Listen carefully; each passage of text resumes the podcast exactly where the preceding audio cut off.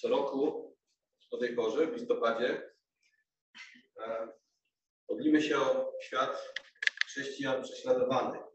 Tak można powiedzieć. Świat chrześcijan, którzy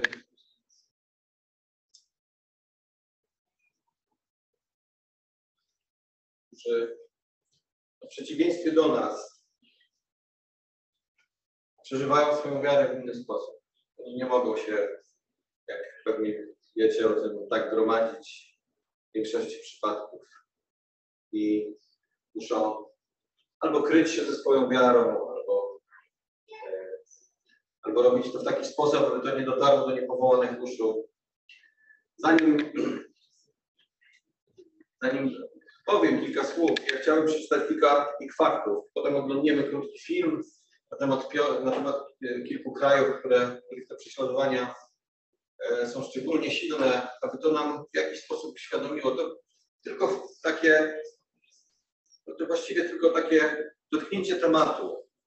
Ten temat jest bardzo szeroki, jak miałem przywilej pracować dla organizacji Open Doors, która zajmuje się e, pomocą prześladowanym. Tam dosyć dużo tych wiadomości otrzymałem i moje serce zostało na ten temat trochę bardziej i uświadomione, i uwrażliwione. Wiem, że no, możemy na ten temat długo słuchać, ale czy to dociera do naszych serc? Nie jest to zawsze takie oczywiste. E, tak sobie dzisiaj pomyślałem, powiem to, bo to chyba tak do mnie to przynajmniej przemówiło, bo mówimy do siebie bracia, siostry. I dobrze, to jest super, to jest bardzo ważne. Jesteśmy braćmi i siostrami. Każdy z nas ma też tych braci, siostry i rodziny, które są nam bliższe z racji pokrewieństwa, takiego z krwi. E, no to wyobraźmy sobie teraz, że w więzieniu za wiarę siedzi nasz ojciec, siedzi nasz brat, siostra, gdzieś tam i cierpi. Nie, nie możemy do nich nawet zadzwonić, jak w cywilizowanym kraju, odwiedzić, napisać listu, bo czasami tak bywa. A to mój brat, z którym spędziłem dzieciństwo, moja siostra, którą biegałam po podwórku, moja matka, która mnie wychowywała. Kiedy myślę o tym w tych kategoriach, to to zupełnie inaczej przemawia do mojego serca. A to są nasi bracia i siostry w Chrystusie. Pokrewieństwo tak bardzo świadomi jesteśmy tego, że to jest pokrewieństwo duchowe, ale jakże też silne. I mówiliśmy o tym nieraz także z tej kazalnicy, że w Jezusie Chrystusie jesteśmy zwykłym rodzajem takiej właśnie rodziny. I oni, ci ludzie, którzy tutaj na tych mapach, w tych krajach szczególnie, które są zaznaczone na czerwono czy pomarańczowo, w tych krajach mnóstwo ludzi tam siedzi w więzieniach. Mnóstwo ludzi nie ma możliwości, aby spotykać się tak jak tutaj, wychodzić rano do kościoła. To tylko mapa. Wydawałoby się kilka krajów, kilkanaście krajów zaznaczonych, ale to przemówi do naszych serc. Ja teraz przeczytam kilka takich faktów, które można przeczytać na stronach, ale wtedy oglądniemy film, ale chciałbym, żebyśmy tak, żeby te liczby i te fakty też zostały w naszej pamięci, bo one też są pomocne i ważne. Czym jest w ogóle prześladowanie? Do prześladowania chrześcijan dochodzi głównie w kręgach oddziaływania trzech wielkich religii islamu, hinduizmu i buddyzmu oraz na obszarach kontrolowanych przez partie lub partyzacje komunistyczne. Ortodoksyjny islam stawia Żydów i chrześcijan w roli obywateli drugiej kategorii i nie zezwala na porzucanie islamu. W państwach komunistycznych powszechną praktyką jest budowanie fasady wolności religijnej w celu utrzymania dobrych więzi ekonomicznych i handlowych zawodów. Z kolei w krajach hinduistycznych i buddyjskich elity religijne i polityczne oskarżają chrześcijan o stworzenie zagrożenia dla tożsamości narodowej. Pierwsza dziesiątka najbardziej prześladowanych chrześcijan według organizacji Open Doors w tej chwili to Korea Północna, Afganistan, Somalia, Libia, Pakistan, Erytrea, Jemen, Iran, Nigeria Indie. To są kraje, które tak daleko są od nas ale tam są ludzie, którzy w pokrewieństwie duchowym są nam tak bliscy. Bracia i siostry. Około 650 milionów chrześcijan mieszka w 50 krajach wymienionych w Światowym Indeksie Prześladowań. Zgodnie z nową oceną ponad 260 milionów z nich cierpi z powodu wysokiego stopnia prześladowań. Chrześcijanie obecnie stanowią największą grupę religijną na świecie, która jest prześladowana. Ale kiedy możemy mówić o prześladowaniu? O prześladowaniu nie mówimy tylko wtedy, gdy chrześcijanie są ranieni, torturowani czy zabijani z powodu swojej wiary, tak jak się dzieje to w wielu krajach. Prześladowanie ma miejsce także wtedy, gdy chrześcijanie z powodu swojej wiary tracą miejsca pracy lub środki na utrzymanie, kiedy dzieci z powodu swojej wiary lub wiary rodziców nie mogą dostać się do szkół lub mają ograniczone szanse zdobycia wykształcenia, kiedy chrześcijanie z powodu presji otoczenia lub w obawie o swoje życie muszą opuścić swoje rodzinne domy. Powyższe przykłady można określić mianem dyskryminacji, ale nie zmienia faktu, że są one zakazane przez międzynarodowe konwencje oraz deklaracje i powinno się im przeciwdziałać. Tak samo jak w przypadku, kiedy zabrania się chrześcijanom budowania kościołów czy spotykania się w prywatnych domach, jak również gdy przez uciążliwe procedury utrudnia się lub wręcz uniemożliwia rejestrację chrześcijańskiego kościoła bądź organizacji. To, czy takie przypadki prowadzą do prześladowania, czy tylko dyskryminacji, nie ma znaczenia. Nie chodzi o to, jak to nazwiemy. Chodzi o to, że coś takiego ma miejsce i nie może przejść, nie możemy przejść obok, obok tego obojętnie. Mogę prosić o chwilę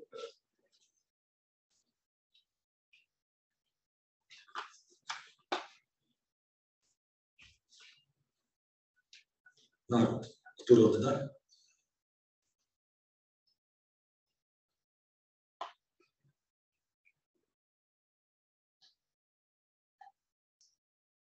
i cześć swojemu przywódcy.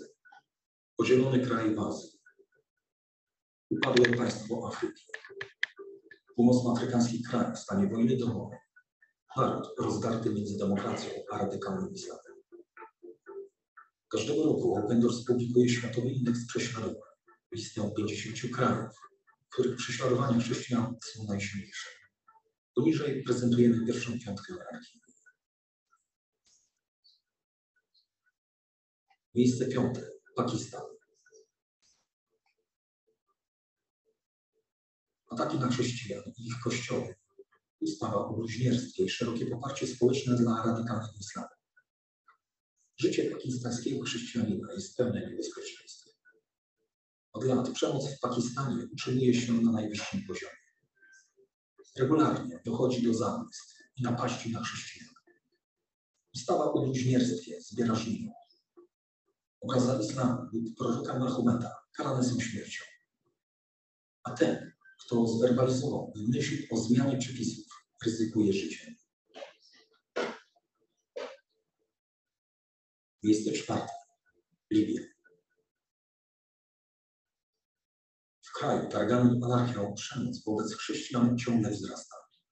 Bezprawie i zamknięcie się porządku sprzyjali wrogości i atakom islamistów na chrześcijan. Wrogiem stają się nawet ich własne rodziny. Miejsce trzecie. Somalia.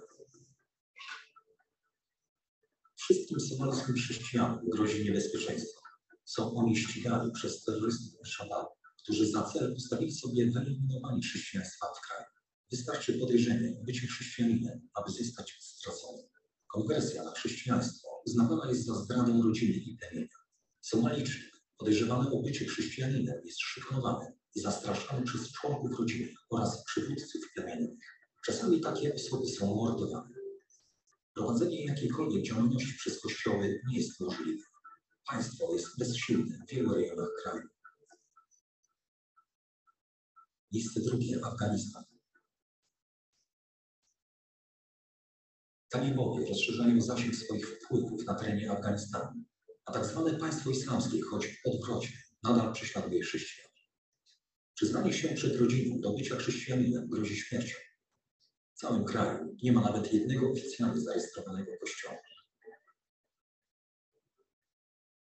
Miejsce pierwsze. Korea Północna. Korea Północna po raz kolejny znalazła się na pierwszym miejscu światowego indeksu prześladowań jako kraj, w którym chrześcijanie doświadczają najsilniejszych prześladowań. Nawet za posiadanie Pisma Świętego grozi śmierć, a chrześcijanie uważani są za wrogów państwa. W przypadku ujawnienia, że dana osoba jest chrześcijaninem, surową karę ponosi cała rodzina. Chrześcijanie są rozstrzeliwani lub wysyłani do obozów pracy, gdzie zmuszani są do ciężkiej pracy w nieludzkich warunkach, która często kończy się śmiercią. Jeśli chcesz dowiedzieć się więcej na temat sytuacji chrześcijan w tych krajach, Jeśli chcesz wiedzieć, po co się modlić i poznać osoby ukrywające się za liczbami światowego indeksu prześladowań, wejdź naszą stronę www.opendoors.pl ukośnik.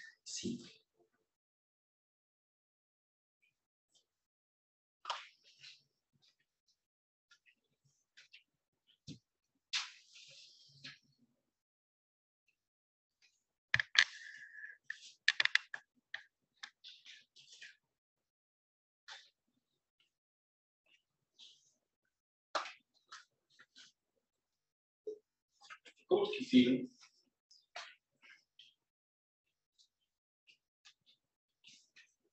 Ale to ostatnie zdanie, że jeśli chcesz wiedzieć więcej, jeśli chcesz zobaczyć, co kryje się za liczbami, to wystarczy sięgnąć do internetu. Mamy teraz ten przywilej, że, e, że dużo nie trzeba. Można naprawdę dużo informacji wciągnąć i dowiedzieć się więcej, co dzieje się z ludźmi, którzy żyją w tamtych krajach, w tamtych i nie tylko w tamtych. Chciałbym, żebyśmy otworzyli na nasze Biblię na psalmie 119.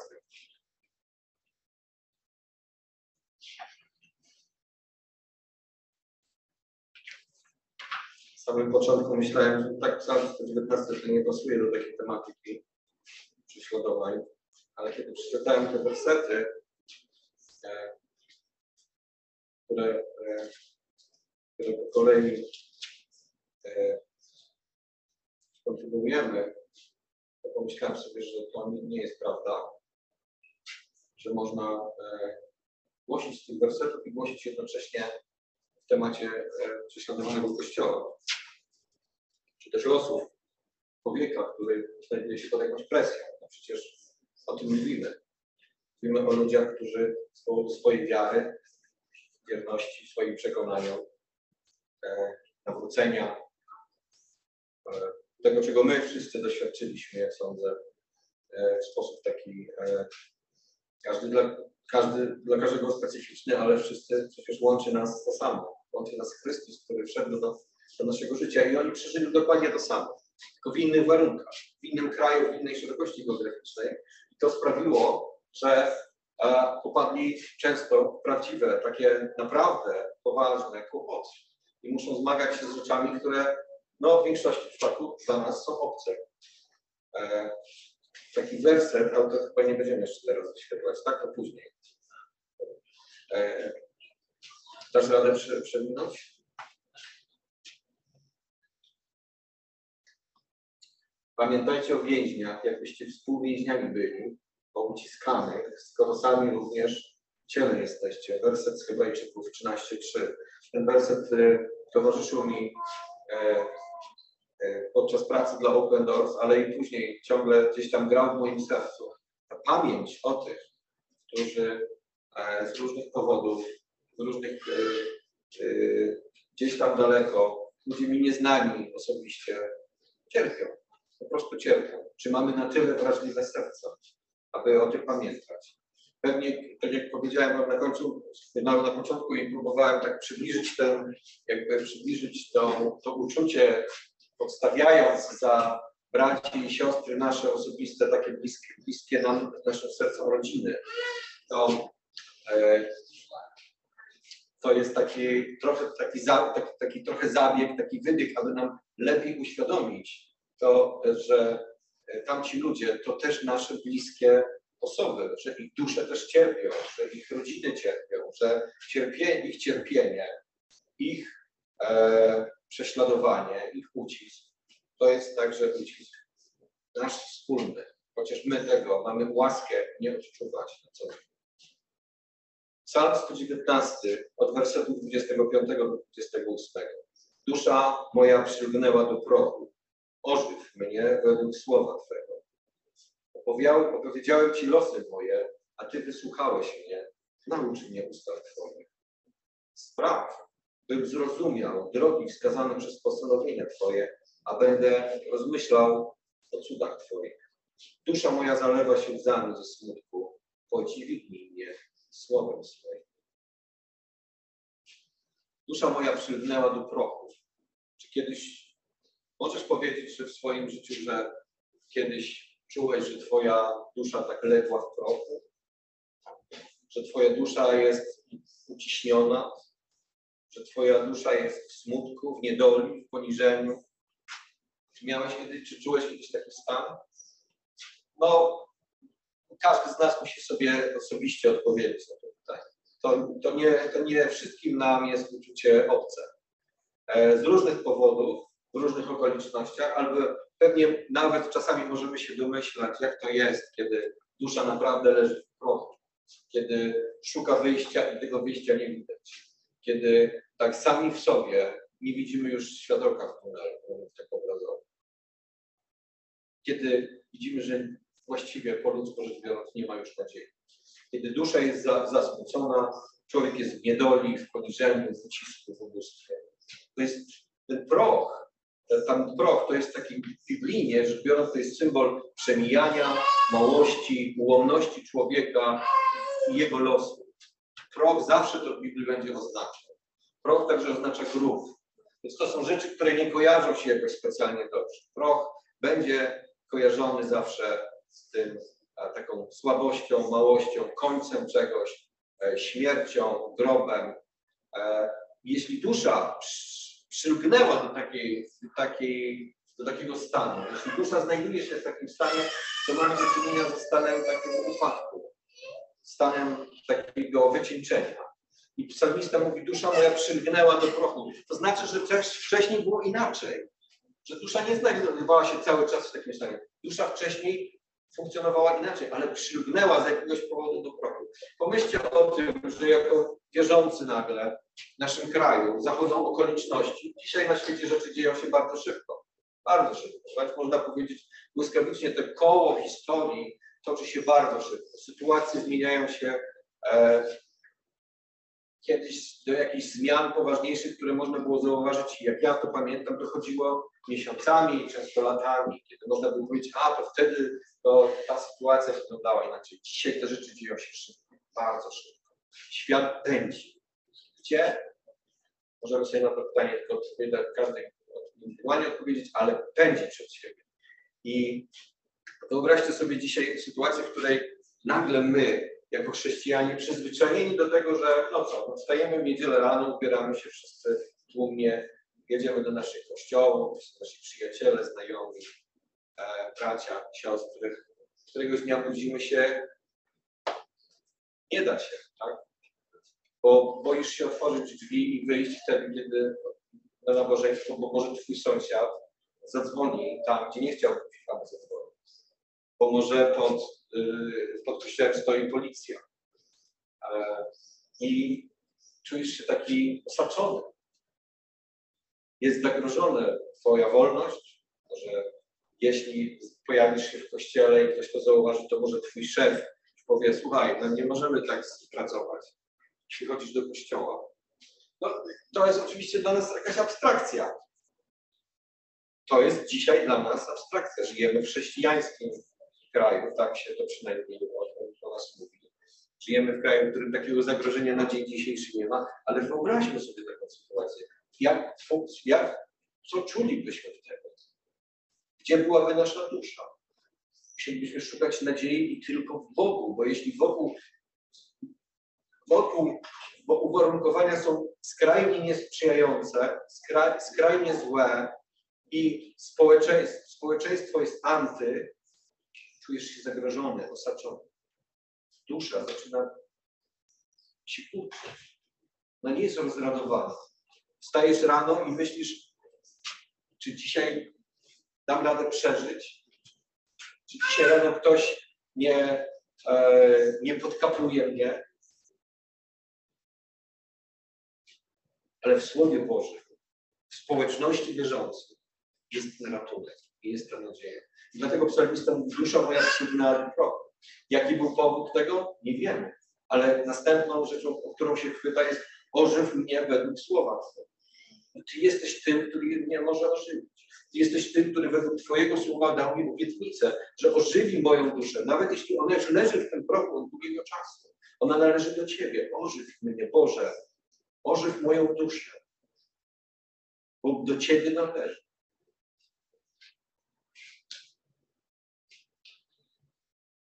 Kiedy się nawracasz, to w jakim stanie jest Twoja dusza? W jakim stanie, pamiętacie to pewnie, jaka euforia panuje w nowonarodzonym człowieku, który chce całemu światu powiedzieć, nawróciłem się, znalazłem Boga żywego. Dusza śpiewa, dusza gra, dusza chce wylać tą całą radość z siebie. Ja to pamiętam do dzisiaj, to było niezwykłe. To taka pierwsza miłość, taki pierwszy zachwyt Bogiem.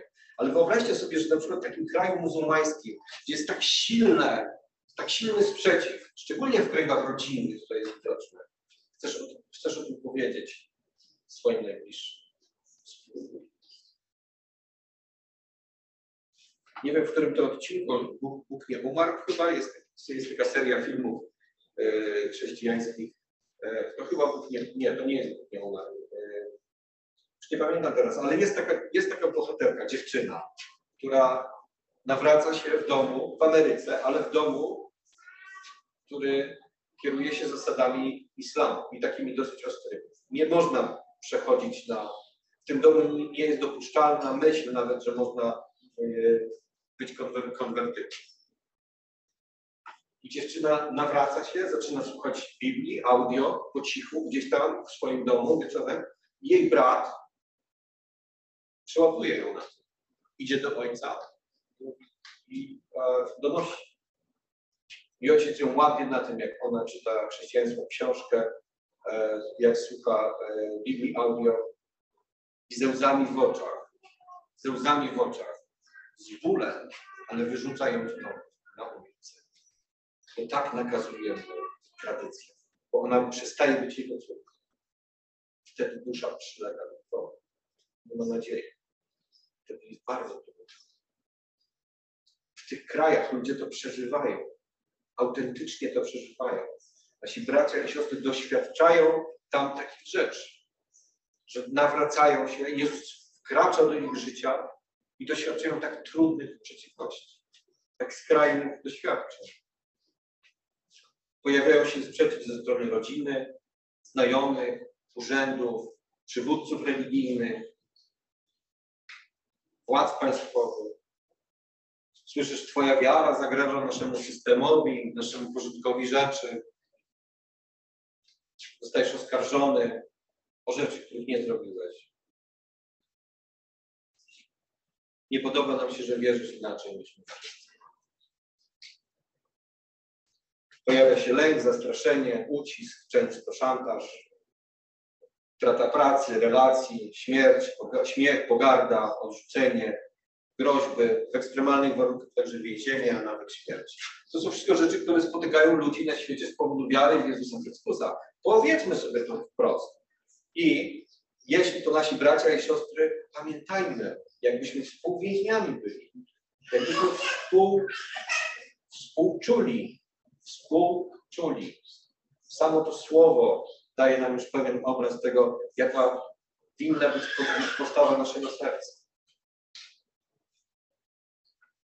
Te rzeczy się po prostu dzieją.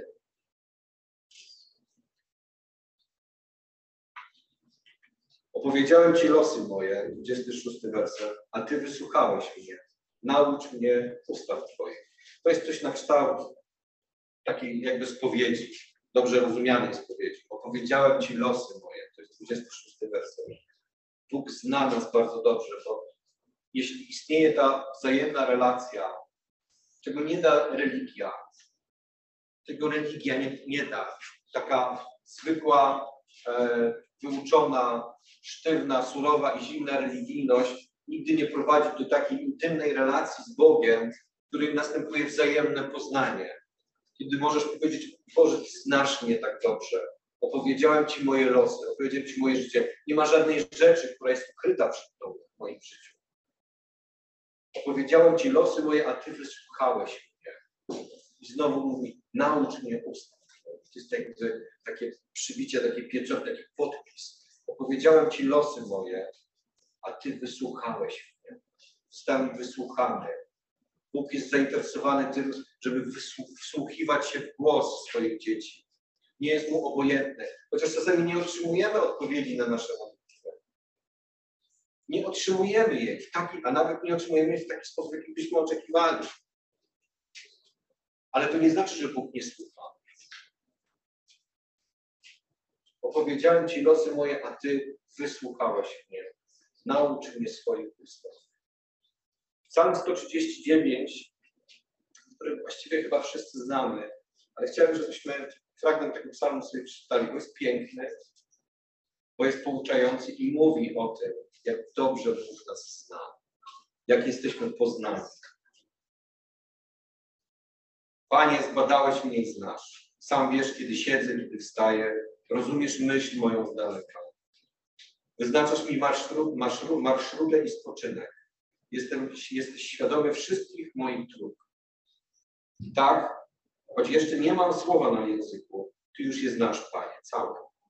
Ogarniasz mnie z tyłu i z przodu, kładziesz na mnie swoją dłoń. Zbyt cudowna jest dla mnie ta wiedza, zbyt wzniosła, bym ją pojął. Zbadałeś mnie i znasz. Powiedziałem Ci wszystko o sobie. Wszystkie, to, to jest też taki obraz takiej otwartości, o takiej otwartym, czystym, czystej relacji z Bogiem. Boże, chcę, żebyś wiedział wszystko o moim życiu. Nie chcę, aby w moim życiu były jakieś ciemne komnaty. Aby w moim sercu, aby w, sercu, w moim sercu gdzieś gromadził jakieś takie miejsce, było takie miejsce, które jest zamknięte na klucz. Ja go trzymam w swojej kieszeni. Ja go mam przy sobie. Jeśli wyciągniesz po to rękę, odpowiem nie. To jest moje prywatne miejsce. Boże, ty się nie wtrącaj. Ja muszę mieć takie miejsce. Ja tam naprawdę dopiero wtedy, ja tam naprawdę odpoczywam.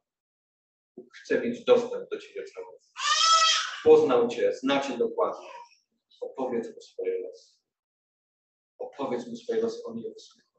Nikt tak dobrze nie rozumie nas jak który nas stworzył, który nas zna dokładnie. To właśnie taki Bóg też pociąga człowieka. Nie zimny, surowy, wyniosły, gdzieś daleki, osądzający, ale taki Bóg, który chce być blisko, który jest blisko, który jest bliski. Miłosierny i łaskawy jest Pan, Psalm 106. Cierpliwy i pełen dobroci. Nie prawuje się z tych, nie gniewa się na wieki. Taki jest Bóg, którego znamy. Taki jest w swojej naturze. Wiecie, w księdze Izajasza, już teraz nie pamiętam, gdzie to jest, to mnie kiedyś tak zachwyciło.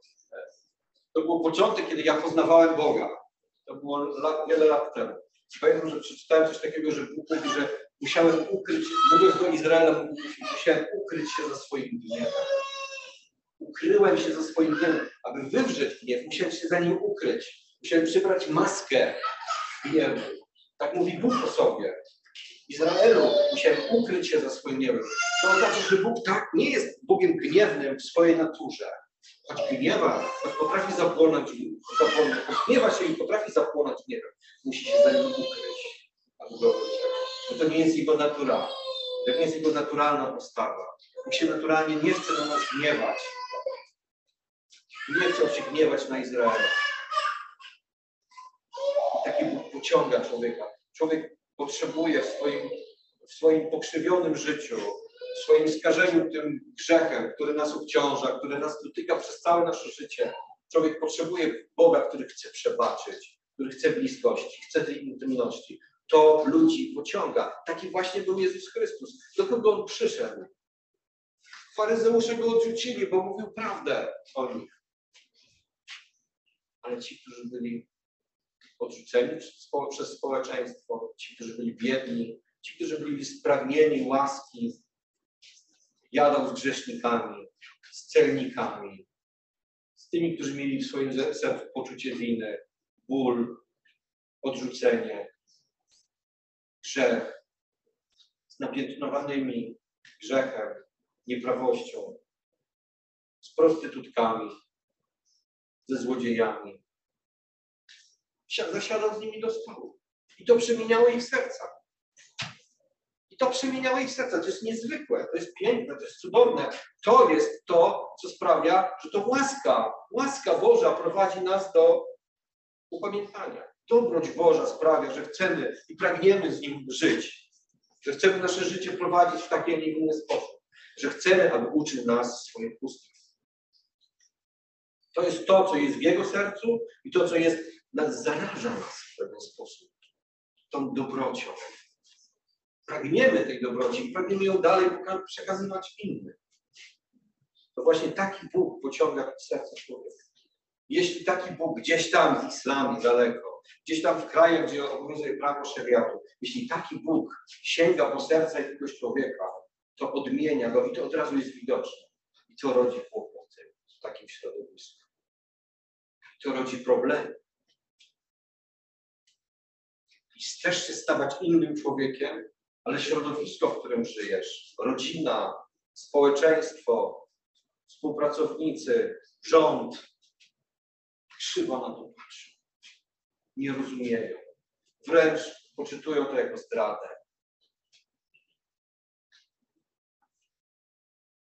Ale Bóg to rozumie. Wiecie co? Nie potrafię odpowiedzieć dzisiaj na pytanie, dlaczego tak się dzieje, że my mamy, powiedzmy sobie tak w cudzysłowie, święty spokój żyjemy w kraju, w którym nie doświadczamy takich rzeczy, a na świecie są ludzie, którzy tego doświadczają. Czy Bóg nie mógłby ich stamtąd zabrać, nie wiem, jakoś to pokładać, żeby nie musieli tego doświadczać? Nie mam na to odpowiedzi. Może dzisiaj tylko zadać sobie pytanie, jak ja zachowałbym się, zachowałabym się w sytuacji, w której musiałbym wybierać. Musiałabym wybierać. Dokonywać trudnych, naprawdę trudnych wyborów. Czy trwać przy Chrystusie, czy też dać sobie spokój. To są bardzo trudne wybory. Nie musimy ich w naszym życiu e, mieć. I to jest łaska. Tak to traktujemy. Tak to traktujemy. 27 werset. Spraw, by zrozumiał drogi wskazane przez postanowienia Twoje. Spraw, bym zrozumiał drogi wskazane przez postanowienia Twoje, a będę rozmyślał o cudach Twoich. Daj mi poznanie.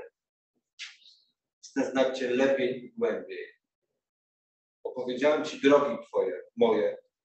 Teraz spraw, bym zrozumiał drogi wskazane przez postanowienia Twoje. Daj mi zrozumienie te, Twoich myśli. Daj mi zrozumienie Twojego serca.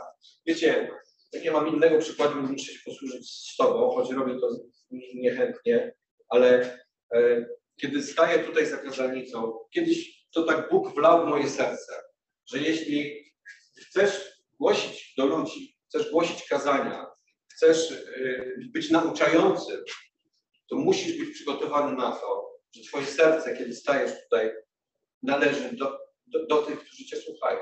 Ono musi być widoczne, musisz je wylać przed ludźmi. Taki robił Jezus Chrystus. I tak powinniśmy wszyscy robić wobec siebie. Nasze serca muszą być otwarte. Nie chodzi o to, żeby dobrze wypaść, żeby tak potem powiedział, okazanie było fajne. Chodzi o to, żeby objawić Jezusa Chrystusa, objawić Jego serce, objawić serce Boga. To jest główne zadanie tego miejsca, kiedy głosimy kazania, kiedy słuchamy Słowa Bożego. Chodzi o objawienie Bożego serca wobec nas, wobec Ciebie, wobec mnie, wobec Kościoła i świata. I tak myślę, że właśnie o to chodzi. Bo jeśli nie tu, to gdzie? Jeśli tutaj nie będzie głoszona Ewangelia, jeśli tu nie będzie objawiane prawdziwe takie Boże serce do człowieka, no to gdzie? To właśnie to jest to miejsce. Chcemy objawiać Jego naturę i Jego myśli, mając do dyspozycji Jego Słowo i Ducha Świętego, który, który, który zamieszkuje w nas. I kiedy tak myślę o tym i zadaję sobie to trudne pytanie, co, ma, co, co, co miałbym powiedzieć, gdyby ktoś z sali na przykład teraz powiedział, wytłumacz mi, dlaczego oni cierpią? Czy nie jest tak, że my tutaj sobie siedzimy wygodnie, a oni tam cierpią? Dlaczego siedzą w więzieniach? Dlaczego tracą pracę? Dlaczego rodzina ich odrzuca? To jest niesprawiedliwe. Nie powinno tak być. Czemu Bóg z tym nic nie zrobi? Ja nie mam na to odpowiedzi. Nie mam na to konkretnej odpowiedzi. Wiem tylko, że Bóg nie ma z tym nic wspólnego. Bóg nie może mieć z tym nic wspólnego. Dlatego, że Bóg nie ma nic wspólnego ze złem, z grzechem, z nieprawością. A te rzeczy są, leżą u podstaw takich zachowań. To jest po prostu grzeszny, zwiedziony świat, który nienawidzi Boga, nienawidzi Jezusa Chrystusa. I w ten sposób walczy z Jego wiernymi. Rzymian 5.12 mówi, przeto jak przez jednego człowieka grzech wszedł na świat, a przez grzech śmierć, tak i na wszystkich ludzi śmierć przyszła, bo wszyscy zgrzeszyli. I to, że grzesznicy, którzy uważają się za prawych, dyskryminują, prześladują i uciskają tych, którzy chcą żyć inaczej, wierzyć inaczej i nawrócili się i odnaleźli prawdę. Bóg nie ma z tym nic wspólnego. To nie On ich poddaje próbie. Bóg może poddać nas próbie, czy wytrwamy. Ale tamci ludzie nawracają się są prześladowani w tamtych krajach. Ja nie mam odpowiedzi, dlaczego do tego dochodzi. Wiem tylko w jakim środowisku żyją. Wiem, że naszą odpowiedzialnością, jest za to, aby się modlić za nich, wspierać ich na tyle, na ile potrafimy. I dlatego organizujemy takie nabożeństwa, dlatego jest ten Międzynarodowy Dzień Modlitwy, dlatego o nich chcemy pamiętać. Może mi się to nie podobać, może mogę być, e, mogę być tym, z, nie wiem, e, zdegustowany, że tak jest, ale chcę im pomóc, chcę o nich pamiętać. Gdyby moja matka, ojciec, brat, siostra e, siedzieli w więzieniu za wiarę, to pierwszą myślą, jaką się, kiedy bym się otworzył oczy i budził się, to było tak, ojciec jest w więzieniu. To byłoby to, o czym bym myślał, kiedy tylko otworzę oczy. Mój brat cierpi. To zajmowałoby moje serce. To, to, to byłoby treścią moich myśli. Jak mu pomóc? Jak mu pomóc? Jak mu ulżyć w cierpieniu? Rodzimy się i żyjemy w świecie skażonym grzechem. I to jest między innymi konsekwencja tego grzechu. Naszą odpowiedzialnością jest być wdzięcznymi za to, co mamy, za to, że nie doświadczamy takich cierpień oraz wspierać tych, którzy takich cierpień doświadczają. Mamy to zresztą obiecane. W drugim Tymoteusza 3,12 czytamy tak ja, tak jest, wszyscy, którzy chcą żyć pobożnie w Chrystusie Jezusie, prześladowania znosić będą.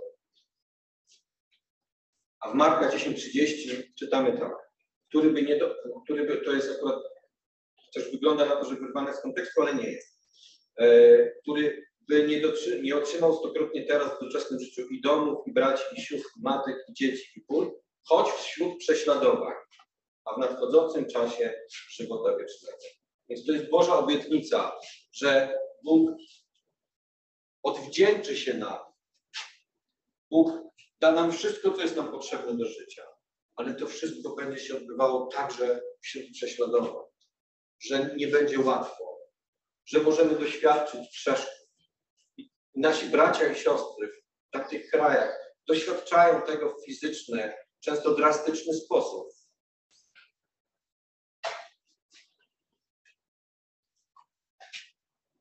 Jednym z elementów poznania Boga, takim głębszym, jest to, że uświadamiamy sobie, że wiara w Chrystusa nie jest sposobem na uniknięcie kłopotów, na łatwy i przyjemny żywot. E, Jezus tego nigdy nikomu nie obiecał. Tak naprawdę nigdy tak nie będzie. To nie jest tak, że kiedy się nawracamy, stajemy się chrześcijanami, to wszystkie drogi, pagórki stają się płaskie, łatwe do, do przejścia. Jezus mówił o wąskiej drodze, e, wyboistej drodze i o wąskiej bramie. I doświadczamy tego, że też nie jest zawsze łatwo, że nie omijają nas pewne rzeczy. Nasi bracia i siostry gdzieś tam daleko mogą nam to tylko po prostu e, potwierdzić, że bycie chrześcijaninem w tym świecie to jest swego rodzaju wyzwanie. I my mamy ten przywilej dzisiaj, że żyjemy w kraju, w którym nie musimy aż w tak drastyczny sposób doświadczać takich prześladowań. I chcę, żebyśmy dzisiaj wyszli stąd chociaż tą jedną myślą, że że jeśli dzisiaj żyjesz pobożnie i nie wstydzisz się Ewangelii, z odwagą przyznajesz się do swojej wiary wtedy, kiedy jest taka możliwość i konieczność i nie doświadczasz ucisku ani prześladowań, to uznaj, że to jest łaska. Bo jeśli ktoś cię pyta, kim jesteś i mówisz, jestem chrześcijaninem, jestem świadomie wierzącym wyznawcą Jezusa Chrystusa. Jezus Chrystus jest moim Panem. Oczywiście ja to tak kumuluję, tak? bo to może być rozmowa z kimś. I z tej rozmowy jasno wynika, kim jesteś. Chcesz komuś, chcesz znaleźć sposób, aby przekazać mu Ewangelię, deklarujesz swoją wiarę i ktoś cię za to nie wsadza do więzienia, nie donosi na ciebie. Co najwyżej się tam uśmiechnie, mówi, a no to tam wiesz, co chcesz. Ale jesteś odważny w tym, jak wierzysz. Żyjesz pobożnie i nie wstydzisz się Ewangelii Chrystusowej. I nie doświadczasz z tego powodu e, prześladowań, to traktuj to jako łaskę. Dlatego, że wolność, której doświadczamy, nie jest rzeczą, która nam jest dana na zawsze. Ona jest ulotna. Ona jest wręcz ulotna. Jest przywilejem i łaską. Traktujmy to tak. Bo to będzie sprawiać, że będziemy w naszych sercach wdzięczni za to, co mamy. I będziemy wdzięczni za tych ludzi, którzy tam cierpią za naszą za wiarę. I będziemy o nich pamiętać. Pamiętajcie o współwięźniach, jakbyście sami więźniami byli. Bo przecież pozostajemy w ciele. To jest jak ostrzeżenie. Również w ciele jesteście i nie wiecie, jak będzie wyglądać jutro. Więc pamiętajmy o tym, że ta wolność, której doświadczamy, nie jest rzeczą daną nam na zawsze. 25, ostatni werset. Dusza moja zalewa się łzami ze smutku, podźwignij mnie słowem swoim. No właśnie chodzi o tą duszę, o tą ludzką duszę, o ten smutek, którego pewnie doświadczają dzisiaj na świecie e, chrześcijanie, gdzieś tam dalekich, nieznanych nam przecież tak do końca krajach. Korea, która bije rekordy, Afganistan, w którym wiecie, co się ostatnio stało, talibowie przejęli całkowicie władzę. Erytrea, Jemen, Somalia, te wszystkie kraje tak bardzo dotknięte e, prześladowaniami chrześcijan. Ci wszyscy ludzie, bracia, siostry, którzy gdzieś tam daleko naprawdę czasami doświadczają bardzo trudnych, stają przed trudnymi wyborami. Ja sam nie wiem czasami, jak bym się zachował. Nawet czasami przeraża, przeraża mnie myśl, co by było, gdyby. jak zaczynam sobie to wyobrażać. Ale wierzę w to z całego serca, że Bóg dałby mi wtedy łaskę, aby mieć odwagę, aby mieć siłę. Mam w swoim sercu taką naprawdę nadzieję, że gdyby doszło do takiej sytuacji, a nie wiem, co będzie jutro, nie wiem, naprawdę tego nie wiem, to że będę w stanie zachować się godnie e, do mojego Pana. Że będę w stanie zachować się godnie. Że w swoim sercu znajdę na tyle odwagi. Czego życzę nam wszystkim. Pamiętajcie o uciśnieniu. Pamiętajcie o więźniach. Jakbyście współwięźniami byli. Bo nie znamy jutrzejszego dnia. Nie znamy dnia ani godziny. Nie wiemy, jak nasz kraj będzie wyglądał e, za jakiś czas. Obyśmy nie musieli tego doświadczać, ale pamiętajmy,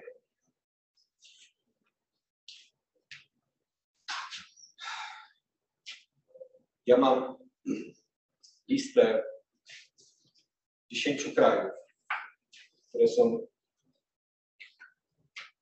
których te prześladowania są najcięższe. Tu mamy mapę. Chciałbym, żebyśmy teraz skłonili nasze głowy do modlitwy. Tak miałem plan żeby poprosić Maćku, czy zechcesz ze mną tutaj przyjść? Czy ktoś jeszcze? Piotr? Będziesz chciał? Może Martyna? Chciałabyś?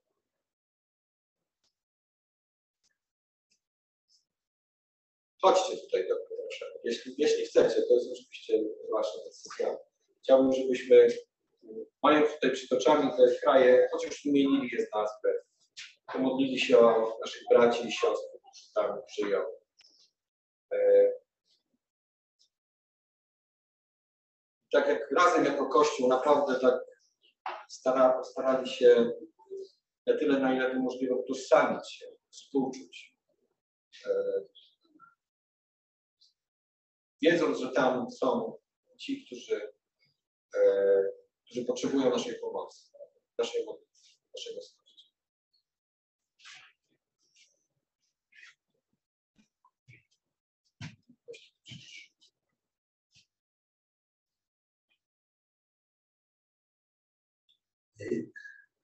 Korea Północna, Afganistan Somalia.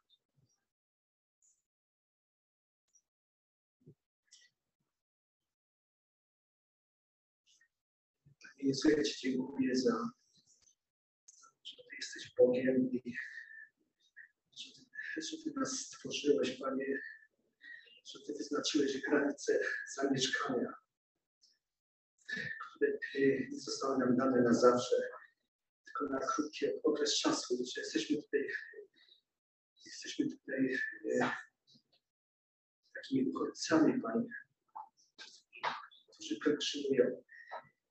Panie, e, Ci dziękuję za to, że, że Ty troszczysz się w taki unikalny sposób za naszych braci, nasze siostry w tych krajach, które w Korei Północnej, w Afganistanie, w Somalii, Panie.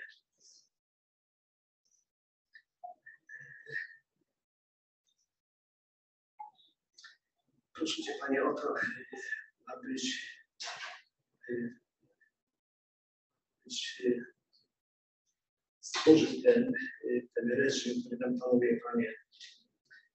Cię y, to, chociaż czasami nie wiem, o co się modlić, ale y, aby, y, abyś w taki naturalny sposób dał zaopatrzenie, bezpieczeństwo, by Twoja Ewangelia tam była głoszona, abyś został wywyższony ponad wszystko, bo jest wiele osób, które tam potrzebują zbawienia, jest wiele osób, które y, chcą, które Panie, y, których Ty masz, o których Ty nie zapomniałeś, dlatego też proszę Cię, y, tych ludzi, którzy tam są prześladowani, którzy są więzieni, którzy, którzy cierpią prześladowanie.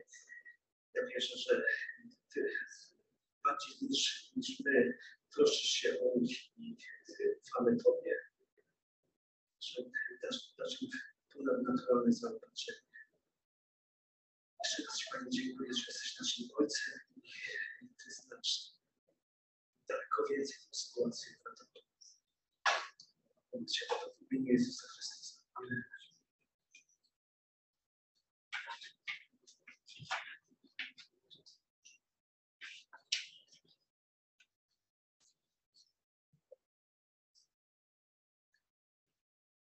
Libia, Pakistan i Erytrea.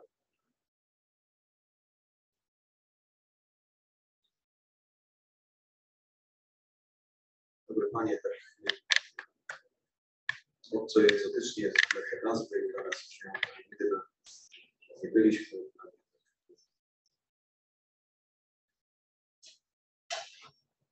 W swoich głowach jedynie jakieś wyobrażenia i stereotypy na temat osób, które zamieszkują te kraje.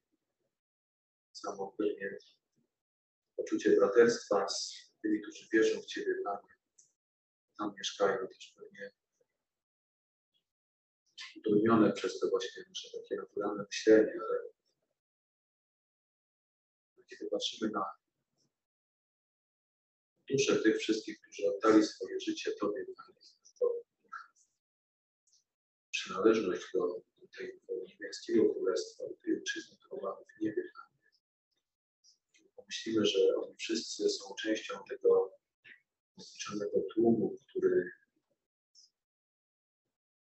Jan widział w swoim widzeniu, zapisanym w ostatniej księdze Biblii, Panie, że, oni stoją obok nas, są wpatrzeni w Ciebie, baranka, który zostałeś przebity, zabity, proszę Cię, Panie, żebyś zbudził w naszym sercu takie poczucie jedności z nimi większe niż do tej pory mieliśmy, żebyśmy patrzyli nie z perspektywy ziemi, ale z perspektywy nieba, z perspektywy okręgów niebieskich, w których e, wszyscy jesteśmy równi, mamy to samo miejsce, my tak samo należymy do Ciebie, Panie, w ogóle nie dzielimy się na, na przynależność narodową.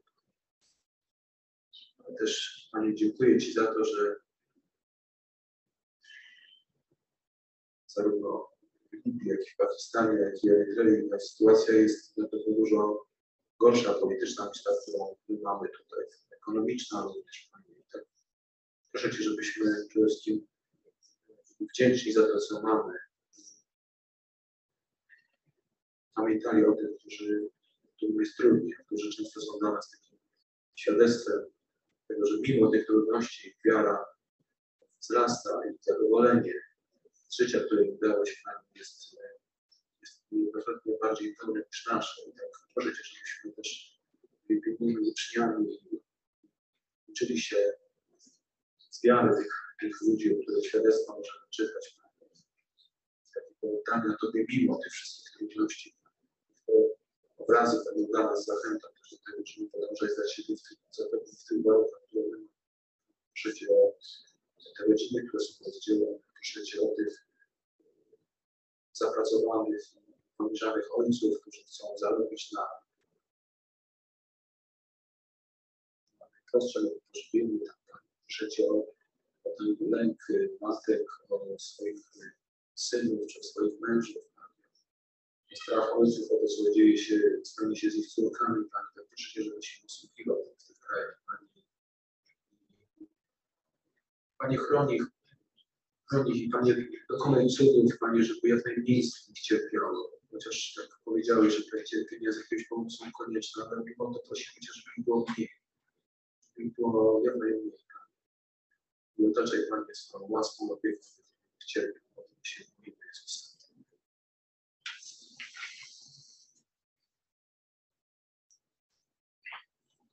Jemen, Iran, Nigeria, Indie.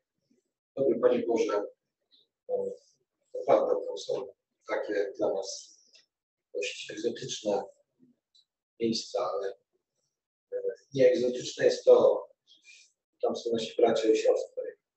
W taki czy inny sposób jest im trudno. Być może stają przed takimi wyborami,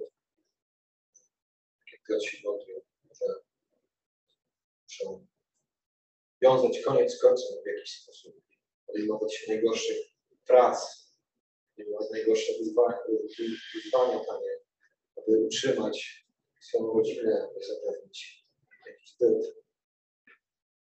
Proszę Cię, Boże Wszechmogący, abyś uwrażliwił nasze serca, ulżył tym ludziom, ulżył naszym e, braciom i siostrom wszystkich ich zmaganiach w tych krajach, na całym świecie. Błogosławimy ich świętym imię Jezusa Chrystusa, prosząc Cię pokornie, Panie, abyś miał ich swojej opiece, dał ich sił, odwagi, siły i e, nowych możliwości. Ale aby Ewangelia była głoszona. Dziękuję Ci za światło, które tam, e, które tam się roz, rozświecają, Panie. To światło Ewangelii, które tam są. Niech Twoja Panie, łaska będzie z nimi. Niech Twoja miłość prowadzi, Panie wydaje siłę odwagi jest musimy się położyć. Dziękuję za wszystko.